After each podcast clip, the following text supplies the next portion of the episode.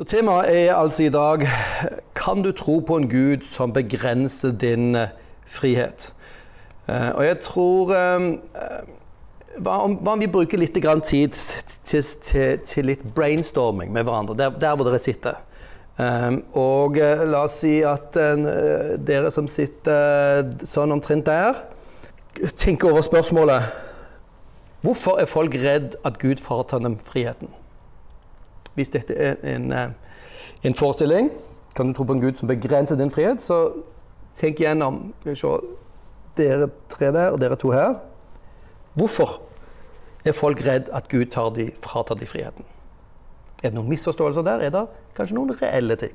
Eller er det noe inntrykk av krist, kristne og sånt? Hva som helst. Dere som sitter bak der, dere kan, dere kan prøve å tenke igjennom Finnes det noen eksempler fra sanger eller film eller TV som dere husker, hvor frihet er tema? Bare, det er bare brainstorming. Er frihet noe som folk er opptatt av? Og, eh, og så det siste, siste gruppen her. Godt du kom fram her, ja, OK. Du som ikke har TV hjemme, ja. ja. Um, og skal tenke igjennom hva slags ufriheter er det folk opplever i dag? Som gjør at ordet frihet er så viktig for dem. Okay? Vi bare bruke et par minutter. Det første altså Hvorfor er folk redd for at Gud fratar de, fratar de friheten? Har dere eksempler fra film eller populærkultur hvor, hvor frihet er tema? Hva som helst. Her eh, er hva slags ufriheter med det som folk kjenner på i dag. Fritt fram. La oss, la oss høre noen, eh, noen, eksempler her. og la, la oss først begynne med denne gruppen her som snakket om ufrihet. De prøvde i hvert fall å snakke om ufrihet. De blir veldig frista til å snakke om andre temaer òg. Ja. Hva, hva, slags former for uh, ufrihet er det som uh, folk kjenner seg igjen i dag? Noen, kan jeg gi noen eksempler? Snakker om eh, si, etikken. At eh, folk eh, ønsker å kjenne på en frihet til å selv kunne bedømme hva som skal være riktig og galt mm -hmm. i sitt eget liv. Ja. Så nevnte vi også økonomi. At folk kan føle seg bundet av økonomi mm. og penger. Det kan være med å styre ganske mye. Mm. Ja, økonomi, moral. Noen ganger opplever man moral som en skikkelig fengsel. ikke sant? Nå vil vi ut av det. Okay. Avhengigheter og ja. stress og angst. Og, -hmm. ja. Mange former for avhengighet. sant? Um, du, til og med avhengighet av sport, jogging. sant? Avguder. Past, pastor, ja, avguder, og det er jo liksom litt annen ting igjen. Men, men, til og med de veldig gode tingene kan skape avhengighet. Og den, eh, og den friheten vi har til eh, rus, ja. den kan ha en pris for hva skjer når jeg begynner med bruk av den friheten. ikke sant? Så, så ja. Vil man frigjøre seg fra stress, så er rusmidler og bedøvelse en fin ting. Og så er det en pris for å bruke de. sant? Ok. Skal vi gå til populærkulturen? Tema frihet, har vi eh, eksempler? Svaret er ja. Mm. Ja, det har vi. Flott, ja. Vil du høre det? ja. Et par eksempler var 'Frihetens regn'. Ja. Uh, ja. Og så denne her Thelma og Louise, der de har bare så mye frihet, og så går det veldig dårlig til slutt. Ja. ja. Så 'Fridens regn' er en fantastisk Hvis ikke dere har sett den filmen, så er, har dere gått glipp av noe. Det er en fantastisk film med veldig sentrale, sterke kristne motiver i den filmen. Uh, så, og, og det, dreier, det, heter jo 'Frihetens regn' også, så det er en kjempeinteressant film på veldig mange plan. Thelma og Louise er road trip, er det ikke det? Hvor disse to kvinnene de river seg løs fra sine liv og sine menn, hvis jeg ikke husker feil. Og nå vil de ha frihet. De, de, føler, de føler, seg uh, fanget der de er, og setter de ut på en roadtrip. Og så utvikler de blir liksom verre og verre, og de, blir jaget av politiet. Sant? Og så uh, siste ville ende på det, de kjører ut forbi et stup. Sant? Ytterste frihet, kanskje. Eller OK. Um, flere?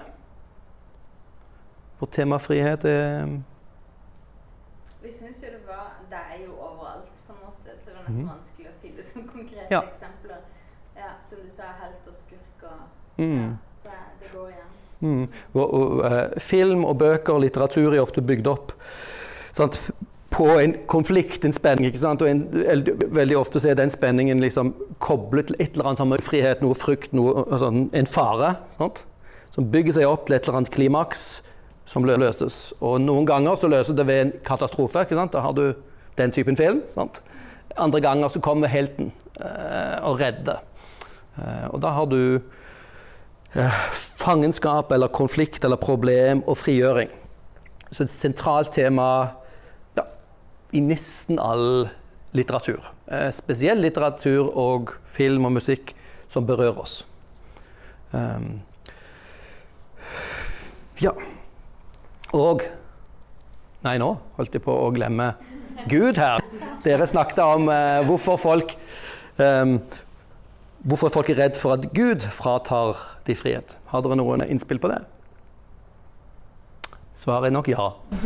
Mm -hmm. Ja, sånt, uh, jeg snakket litt om at uh, tror folk tenker at Gud vil begrense deres frihet. Mm -hmm. at, det er på mange plan at en må oppføre seg skikkelig. At en ikke kan en gå ut og feste. Og at mm, mm. til og med at mange har en mørke liksom, litt slemme tanker. Og at de føler at tankene sine ikke er gode nok for Gud. Og mm, mm. at uh, de sier banner rundt at ordene de sier ikke er gode nok for Gud. Og jeg tenker at uh, at de da syns Gud setter en veldig streng, veldig mm. kjedelig standard.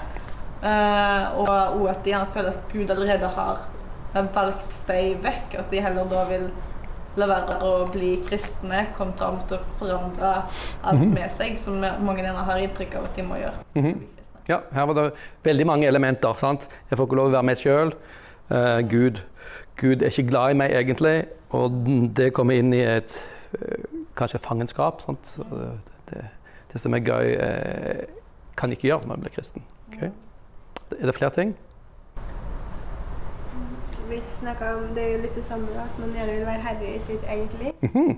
Og eh, det kan jo også kristne kjenne på, for å si det sånn. Ja. liksom, jeg vil helst ha kontroll på alt. Ja, og det, Dermed er det noe, noe, reelt i den frykten. Sant? At eh, det å si, gi seg over til Gud er jo et element av å selv slippe kontrollen og innrømme delvis at vi ikke har kontroll, og så gi seg over noen, i noen andre sine hender. Og det er jo risky nok oss imellom. Sånt. Venner eller kjærester og sånt. Det, det er skummelt med mennesker. Uh, hvis du da har med Gud å gjøre, og i tillegg har et bilde av den Gud er kanskje ikke helt partyløve og sant? en snille mann, men han er, han er streng og, og, sannsynligvis sur. Sannsynligvis er han kristen, liksom bare boller og saft. ikke sant? Dette er ikke min idé om et himmel eller en framtid eller, eller, et liv. Sant? Så, så um, Ja. Frihet er sentralt, og um, det er ikke så veldig rart at folk har disse tankene. Hvordan kan du tro på en Gud som begrenser din, eller fratar deg din frihet? Det er faktisk et godt spørsmål, og de som stiller oss det spørsmålet, er jo absolutt ikke frekke, men de har kanskje forstått noe. Og som, som Døble sa, så, så, av og til så kjenner vi også på det. Nei, dette kan jeg ikke gjøre fordi jeg er kristen. Selv om vi kunne ha lyst til å gjøre det. Sant? Så av og til kan vi sjøl kjenne på at dette å være kristen er faktisk begrensende. Det er noe reelt i det. OK. Det, så det, det jeg tenker at vi skal, skal gjøre nå før, før vi um, jeg, vil, jeg vil til slutt dele noe med, eh, fra Jesus sier om frihet. Men jeg vil først sammen med dere tenke litt om frihetens paradokser. Jeg har allerede vært berørt i kanskje litt i noen eksemplene dere ga her. For det første når vi snakker om frigjøring og frihet, så er det jo ofte sånn at når vi har en frigjøring, Tenk på politisk frigjøring, tenk på frigjøring fra Saddam Hussein, eller tenk på Sør-Sudans fantastiske frigjøring fra Sudan. Og så ender det med ny ufrihet, ny konflikt. ikke sant? De store, store ordene med frigjøring, når friheten kommer, så er ikke problemene løst. Du bare fjernet én skurk, sant? og så er det fritt fram for alle de andre.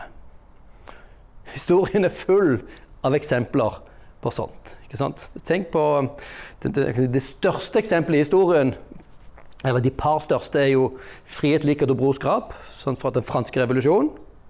Sant? Drep prestene, drep kirka, drep de gamle, drep kongehuset. Og så skal vi bli så fri! Og så ble det jo et skrekk, et terrorvelde. ikke sant? Stadig større paranoia og drepte den ene etter den andre. Uh, absolutt ikke sånn et frihetens uh, symbol. Eh, vi har kommunismen, eller marxismen, eh, som snakket om frigjøring. Sånt. Eh, arbeidere i alle land, foren dere. Kast av dere lenkene til kapitalistene.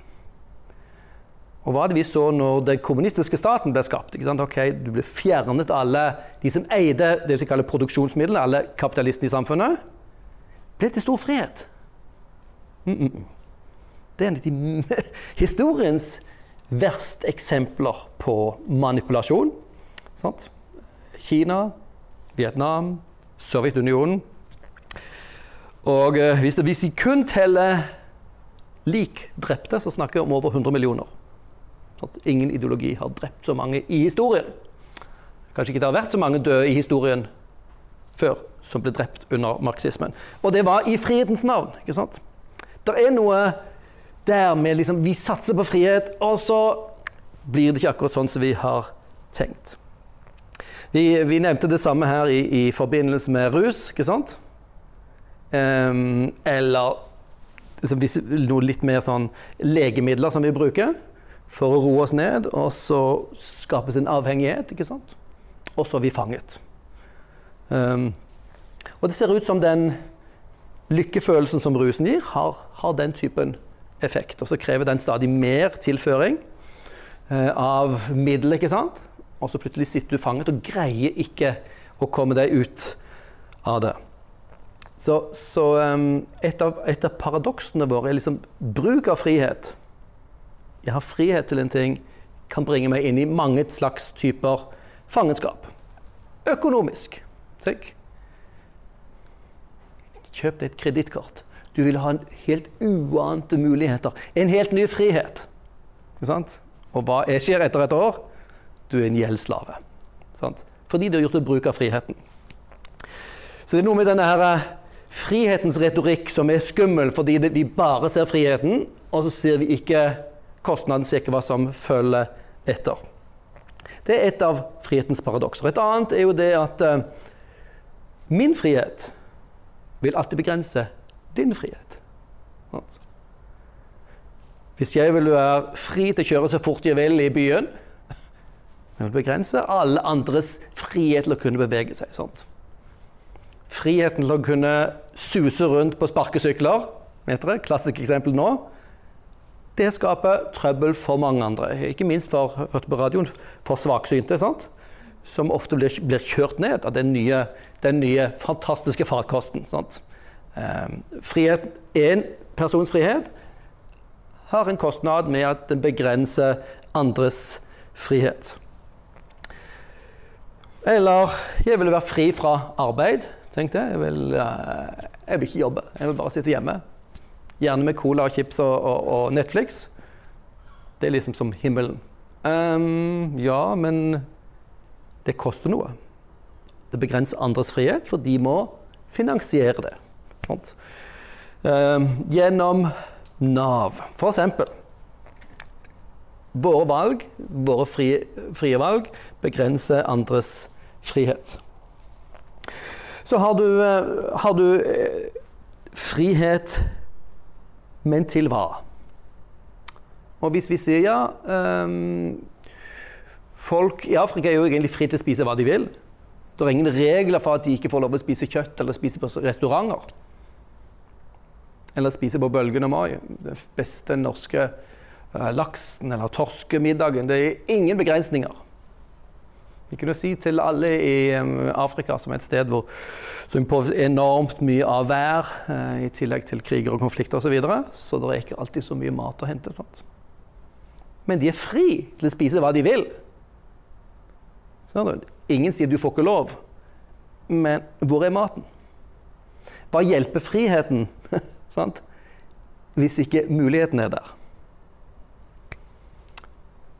Frihet forutsetter også at det er noen, noen og noe rundt oss som gir oss reelle muligheter. Du kan spise hva som helst i butikken her, men du bare når opp til den hyllen der. Sant? Vil du hatt det på øverste hylle? Det hjelper ikke. Friheten hjelper deg ikke hvis det ikke er reell frihet. Tenk også på eh, barnehagen. Nei, nå skal barna få lov å ha det fritt, fritt og godt. Ok, Vi har ikke noe opplegg. Vi har ikke noen, noen voksne som har ansvar, for det begrenser jo de. Vi fjerner gjerne den totale frihet. Det er det største marerittet av en barnehage. sant? Ingen kontroll.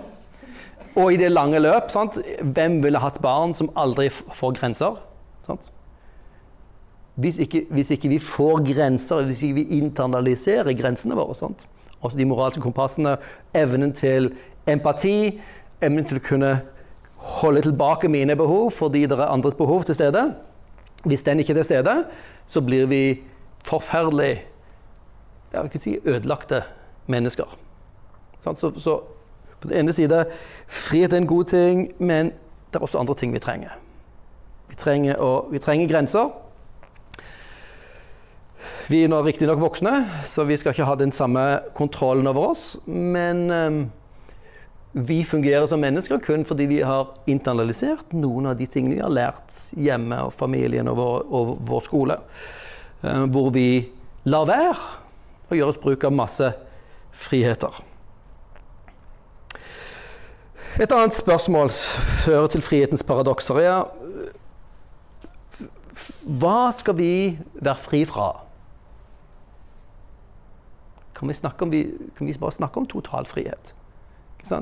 Hvis du er en fisker, så befrir du jo fisken fra vannet. Stakkars fisken er fanget i vannet.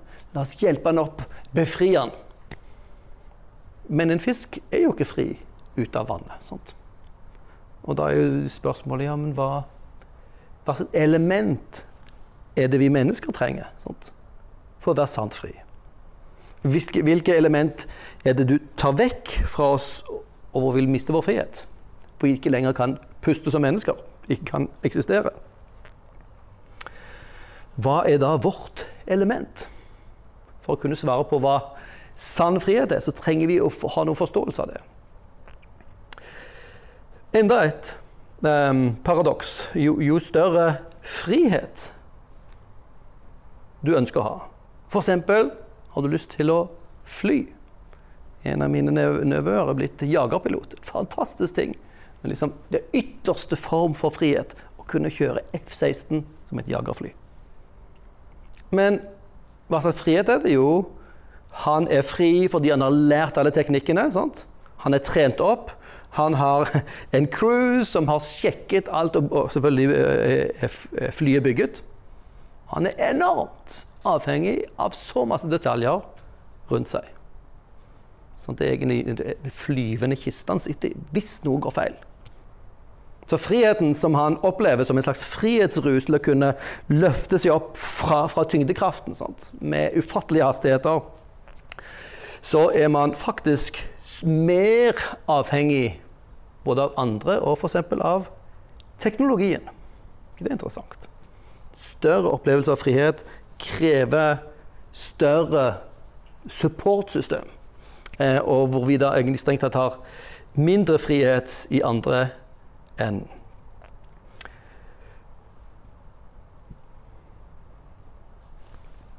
Hvis vi tenker på ting som vi opp, er opptatt av, ting som gleder oss La oss ta f.eks.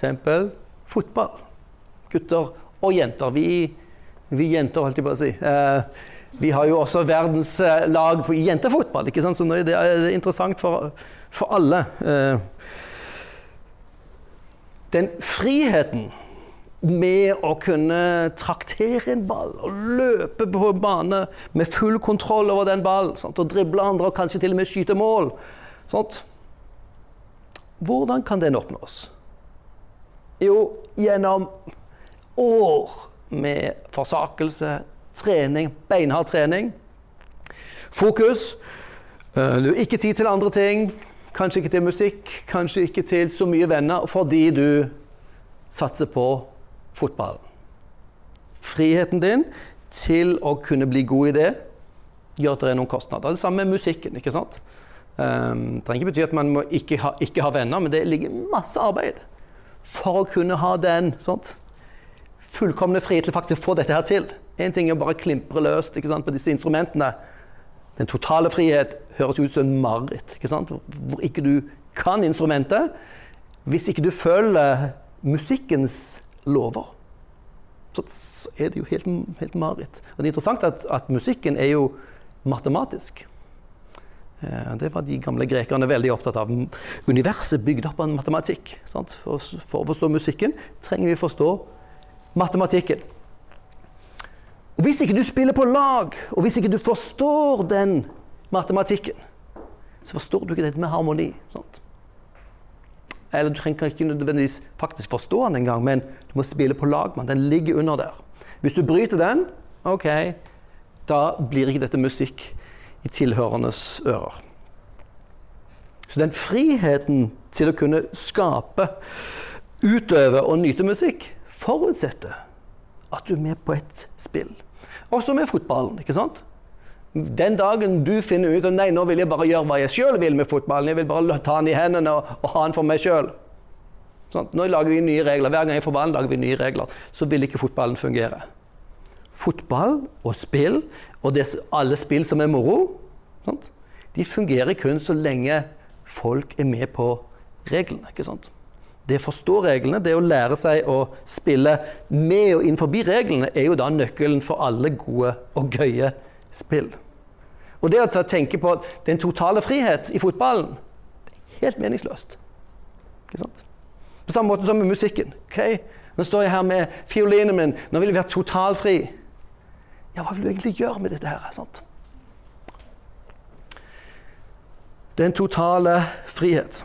Du finner det på andre områder også. Du vil være fri til å spise hva du vil. På den annen side vil du være fri fra lidelser sant? Og smerte, sånn, og sykdom fra, fra å leve usunt. Og valgene du gjør, har sine kostnader. Den ene friheten gjør den andre problematisk, eller utelukker den andre. Sånn er det med nesten alle viktige tingene i livet. Og tenk et annet element som er veldig viktig for oss. Tenk vennskap. Ethvert vennskap som er reelt, og som du respekterer, begrenser oss noe, ikke sant? Vi får et vennskap, og vi ønsker å ha den relasjonen. Og det betyr at vi må være lojale, vi må pleie relasjonen. Og det blir jo enda mer alvorlig hvis dette blir kjærlighet. ikke sant? Da binder du deg. Og det er ganske mange redd for i dag. Ikke uten grunn, sant? for dette er en risikosport. Uh, men hvis du vil bare være fri, ok, da vil du jo strengt tatt ikke kunne ha venner heller. Sant? For du må hele tiden skyve de vekk for å bevare din frihet. Og heller ikke oppleve den dype kjærligheten hvor også kjennskap og troskap hører med. Så dette med den ideen om den totale frihet som, pre som preger vår tid, den er så urealistisk ikke sant? og så langt fjernet fra virkeligheten. Vi har glemt hva virkeligheten er. Så når vi snakker om frihet, ikke sant? så høres det veldig bra ut, og vi alle liksom syns å ja, vi heier på friheten. Men så glemmer vi de større spørsmålene. Hva er frihet? Hva slags type frihet snakker vi om? Frihet fra hva? Frihet til hva? Og hvem er jeg sant, som skal ha den friheten? Hva slags type spill eller harmoni i livet? Sant? For nå kan jeg finne den, den uh, musikalske logikken sant, som livet fungerer på, og som ikke bare gjør livet mitt disharmonisk. Det er et av de store, store spørsmålene.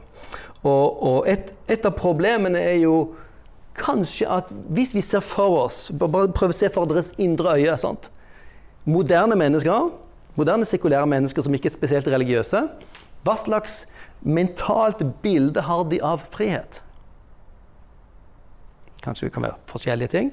Jeg ser for meg at man ser på seg selv nesten som i et stort mørke, et tomt rom, hvor man ikke trenger å ta hensyn til noen. Tenk på høreklokkene. De nye hodetelefonene med lyddemping. Fantastisk. Fri, koblet fra alt. Jeg i sentrum. Jeg alene. Mine behov. Sann frihet. Med det bildet av eh, frihet så er det jo ikke så rart at livene våre blir vanskelig. Relasjoner blir vanskelig. Økonomi blir vanskelig.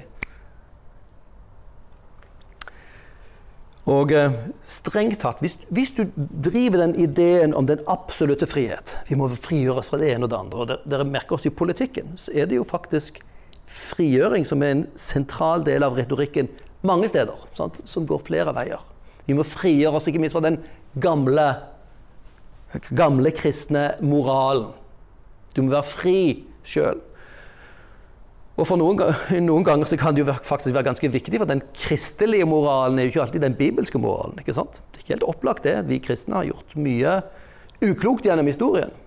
Samtidig det med å kaste vekk noe. Hva, hva, hva er alternativet her? Hva, hva erstatter du det med? Det er det store spørsmålet. Og hvis du ser for deg den, den moderne bildet av den absolutte frihet, sant? den ytterste enden på det sant? Den absolutte frihet er jo egentlig da strengt tatt døden, hvor du er alene i, i, sentrum, og alt annet er dødt, er borte fra deg. Det er et av de store frihetens paradokser når friheten ses på som bare meg, og hvor jeg sjøl kan definere alt. Og Derfor er også det bibelske bildet av frihet mye mer realistisk. Det er koblet til livet. Det forklarer de sammenhengene som livet vårt er satt inn i. Og hva slags type liv som faktisk gir et fritt, godt liv. Hvor du bevarer din frihet. Hvor ikke du gjør valg som du mister den, den riktige, gode typen frihet. Som er en av, en av oppfordringene til Paulus. La ikke denne friheten de har den ene veien, gjøre dere nå blir fanget av noe nytt. Det er sånn typisk frihetens paradoks. Og der har vi noe um, å lære av eh, Bibelens bilde av frihet. Og jeg tror en av, de, en av de sentrale bibelske bildene av frihet er jo for det første frigjøringen fra Egypt. ikke sant? Israels, eh, Israelittenes frigjøring fra slaveri under farao det er den klassiske Bibelens fortelling. som Hele, hele Bibelen, fortellingen om Jesus er faktisk et slags bilde på det. Hvordan, hvordan, vi befris fra de kreftene vi er fanget inn under, og bringes til Gud, opprette, får, får en relasjon til Han og får del i hans håp og hans framtid. Så er det bibelske eh, frihetsfortellingen er i veldig stor grad også en, en type av et festmåltid. Det er frihet. Når vi kan sitte sammen i harmoni med fete retter. Ikke om dere syns det er bra, men de gamle israelittene syns fete retter var det feteste. Det var det beste. Um, så frihet er ikke når du er alene og hvor du kobler deg fra alle andre. Nei, men det er når du kan sitte sammen. Ha harmoni og trygghet. Um, og spørsmålet er selvfølgelig hvordan det oppnås. Og da Da kan det gi mening å dele hva Jesus sier om uh, frihet. I uh, Johannes evangeliet kapittel 8 det skjer det mange ting, uh, men mot slutten av dette kapittelet, fra vers 32 og utover, så er det interessant Jesus henvender seg til de som var kommet til tro på ham. Og Jesus kom, får trøbbel. Hvis dere ser hvordan, hvordan, dette her går videre, så skaper Jesus trøbbel. dette snakker han til de som har kommet til tro på ham. Ok? Han har fått en del følgere, fått en del motstand også, og så henvender han seg til si, oss som troende. Og så sier han følgende i Johannes 8, 32 utover. Dersom dere blir i mitt ord, da er dere i sannhet mine disipler. Dere skal kjenne sannheten, og sannheten skal frigjøre dere. Interessant. De, de hisser seg skrekkelig opp, de som hører dette her. For de sier du vi er slaver. Sant? Skal du frigjøre oss nå? Hva, hva, er det du sier, Jesus? Og det burde kanskje være vår reaksjon. Vi er så vant med å høre Jesus komme med sånne store utsagn. De som hørte det først, de reagerte veldig negativt. Kaller oss slaver? At vi trenger deg for å bli sant fri? Og I etterkant så vet vi jo Jesus. Det var det Jesus faktisk mente. Ok, la oss, la oss ta, kommentere litt av hver av de setningene. For det første begynner vi helt på slutt. Sannheten skal frigjøre dere. Vi vet at um, um, hvis ikke vi lever i pakt med sannheten, så er det som kollisjon i virkeligheten. Det er som vi er på Titanic og lever på løgn. Dette er et skip som ikke kan synke, og så er det dette isfjellet som ligger der. Vi er fanget av vår egen løgn og vårt eget hovmod. Det er kun hvis vi faktisk lever i sannheten, at vi kan oppleve frihet. En frihet uten sannhet ikke sann frihet. Vi, vi, kan tenke dette på flere. Hva slags type sannhet er det som er viktig for oss? Den ene sannheten som vi trenger å høre, som gjør oss fri, er at vi er alle elsket av Gud. Gud har skapt hver ene av oss. Han har en tanke med våre liv. Sant? Det å vite at vi er elsket, er jo faktisk en kjempeviktig ting. Selvfølgelig er det psykologisk helt grunnleggende og, og, og sunt for oss. Um, vi trenger å vite at vi er elsket. Før noe annet. Og Det er en av de tingene som, som Bibelen forteller oss. Og som er dokumentert med Jesu offergjerning på korset. Sånn, som vi trenger å jobbe med for å forstå hvordan dette har med kjærlighet å gjøre sannheten om at du er elsket. Og så er det også en annen sannhet om oss. ikke sant? Vi er mennesker med masse kompromisser. Masse mørke. Vi har egen, våre egne svik. Sant? Vi har våre egne mørke tanker, vår egne fortid. Ting som vi skjems over. Noe som vi vet at også Gud er ikke helt happy. Hvis han, Gud kjenner helt mitt hjerte, vet om all min fortid, så er ikke han helt happy. Og hvis alle mine venner skulle visst alt hva jeg har tenkt og sagt og gjort, så vil jeg forstå at ikke de helt hadde likt dette her. Det som, det som Bibelen gjør, er å si her, og, og spesielt gjennom Jesus, sier OK, jeg elsker deg uavhengig av dette. Og jeg tar dette på meg på korset. Alle de tingene. Det som du bærer både av skam og av svik. Sant? Og det mørke du har i, i deg. Det tar Jesus på seg. Og da trenger du ikke ditt liv resten av å prøve å holde disse tingene vekke fra folk. Sant? Vi er veldig opptatt av at folk ikke skal avsløre oss. ikke sant? Og vi bruker masse energi å holde fasaden vår. I vår, i vår tid nå er det jo mye, mye verre enn da vi vokste opp, Knut. ikke sant? Når du har Facebook og vet hvordan alle ser på hverandre, hvor, hvor det er en sånn konstant catwalk. ikke sant? hvor du blir målt, og du måler andre. Hvordan ser jeg ut? Hvordan fremstår jeg? Og så går det utover vårt selvbilde. Og så må vi holde maska. Vi kan ikke vise alt, for da vil folk se ned på oss. Bibelens personlige frigjøring her er det at du er elsket fra starten. Og at Jesus sier at 'jeg har tatt på meg dette'. Jeg vet hvilke ting du har i ditt liv. Jeg tar dette på meg. Du kan slappe helt av. I hvert fall i forhold til meg. Sant? Kanskje ikke dine medmennesker vil slappe helt av sant? hvis de hadde visst dette. her. Men du trenger ikke bruke tid verken på å se ned på deg, hate deg sjøl, eller prøve å rydde opp. Sånt. Og det ser Hva slags frigjøring det er. Sånt. Å vite at du er elsket. Du trenger ikke kave rundt i verden for å prøve å finne noen som elsker deg. Du vet du er elsket i utgangspunktet. Stor frigjøring. Du er fri fra din fortid også. Jesus har tatt det på seg.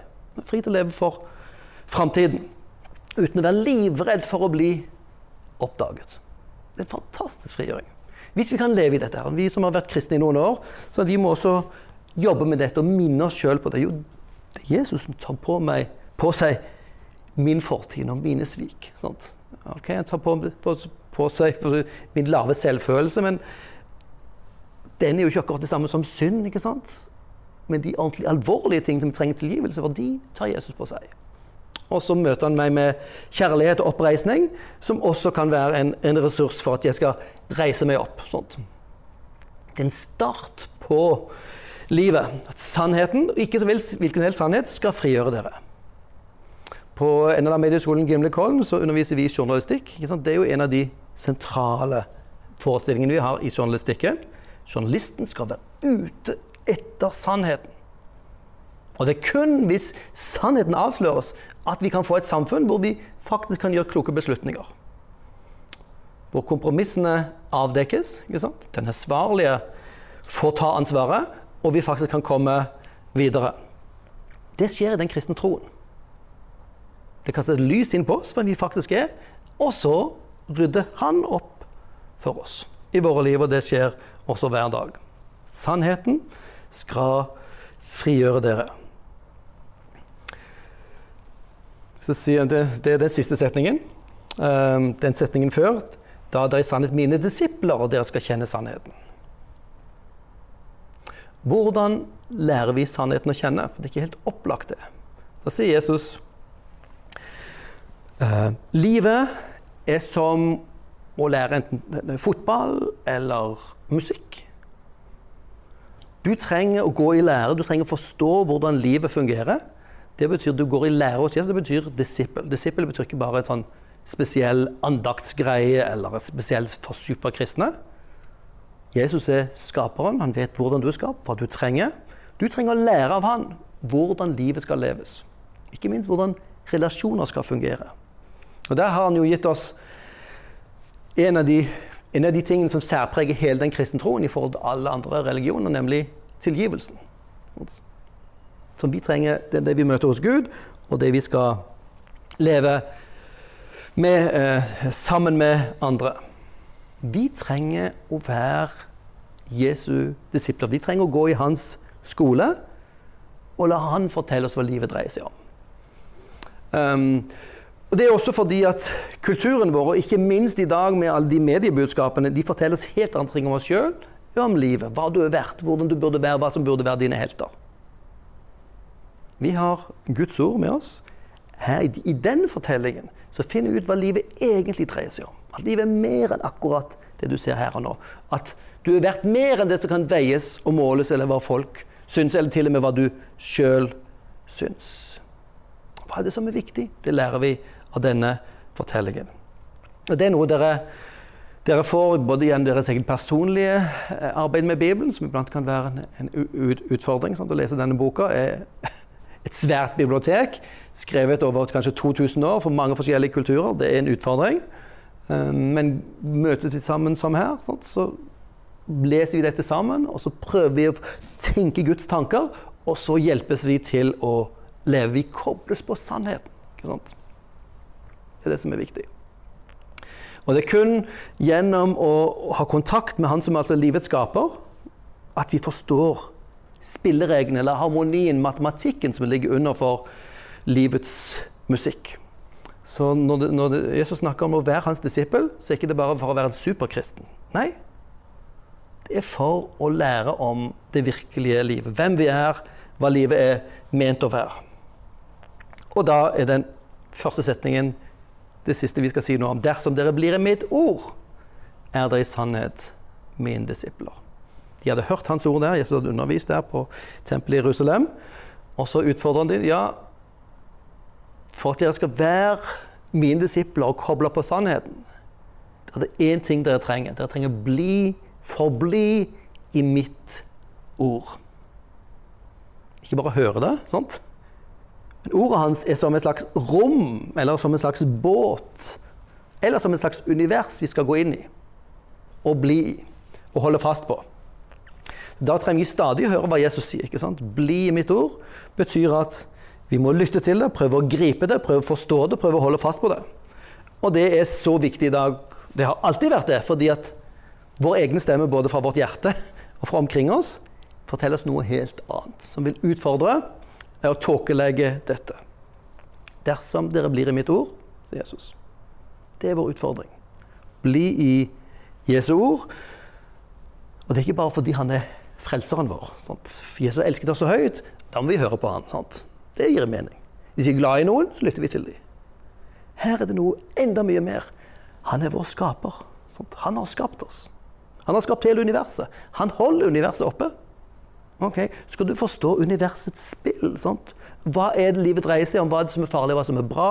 Hva, er det, hva burde være dine helter? Ok, lytt til han som holder hele universet oppe, faktisk med sitt eget ord. Det ordet som vi skal holde fast på.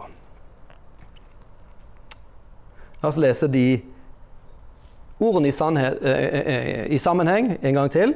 Og ha, ha som bakgrunn den kjempestore forvirringen vi som moderne mennesker har i forhold til dette med frihet. Sånn. Hvordan vi stadig går feil, går på trynet, går i alle grøftene som fins, i vår søken etter frihet. Men det er fordi vi ikke vet hvem vi er. Sant? Hvem vi er skapt til å være. Hva er det som gir våre liv mening? Hvor vi finner den sanne, sanne friheten. Og det finner vi kun i vår Gud vår skaper, Jesus Kristus. Han sa her Dersom dere blir i mitt ord, da er dere i sannhet mine disipler, og dere skal kjenne sannheten. Og sannheten skal frigjøre dere. La oss be. Vi takker deg, Herre Jesus, fordi at du er den sannheten. Og du møter oss med en uforbeholden kjærlighet som du har vist for hele verden, som må koste deg mer enn vi noen gang vil fatte. Som både viser oss vår, eh, hvordan du har elsket oss, men også vis, vise oss eh, at du tar og bærer våre svik og våre mangler på deg, Herre. Sånn at du kaller oss til å, å reise oss opp og leve ut det nye livet i frihet, men i frihet i deg, og friheten som vi finner i ditt ord.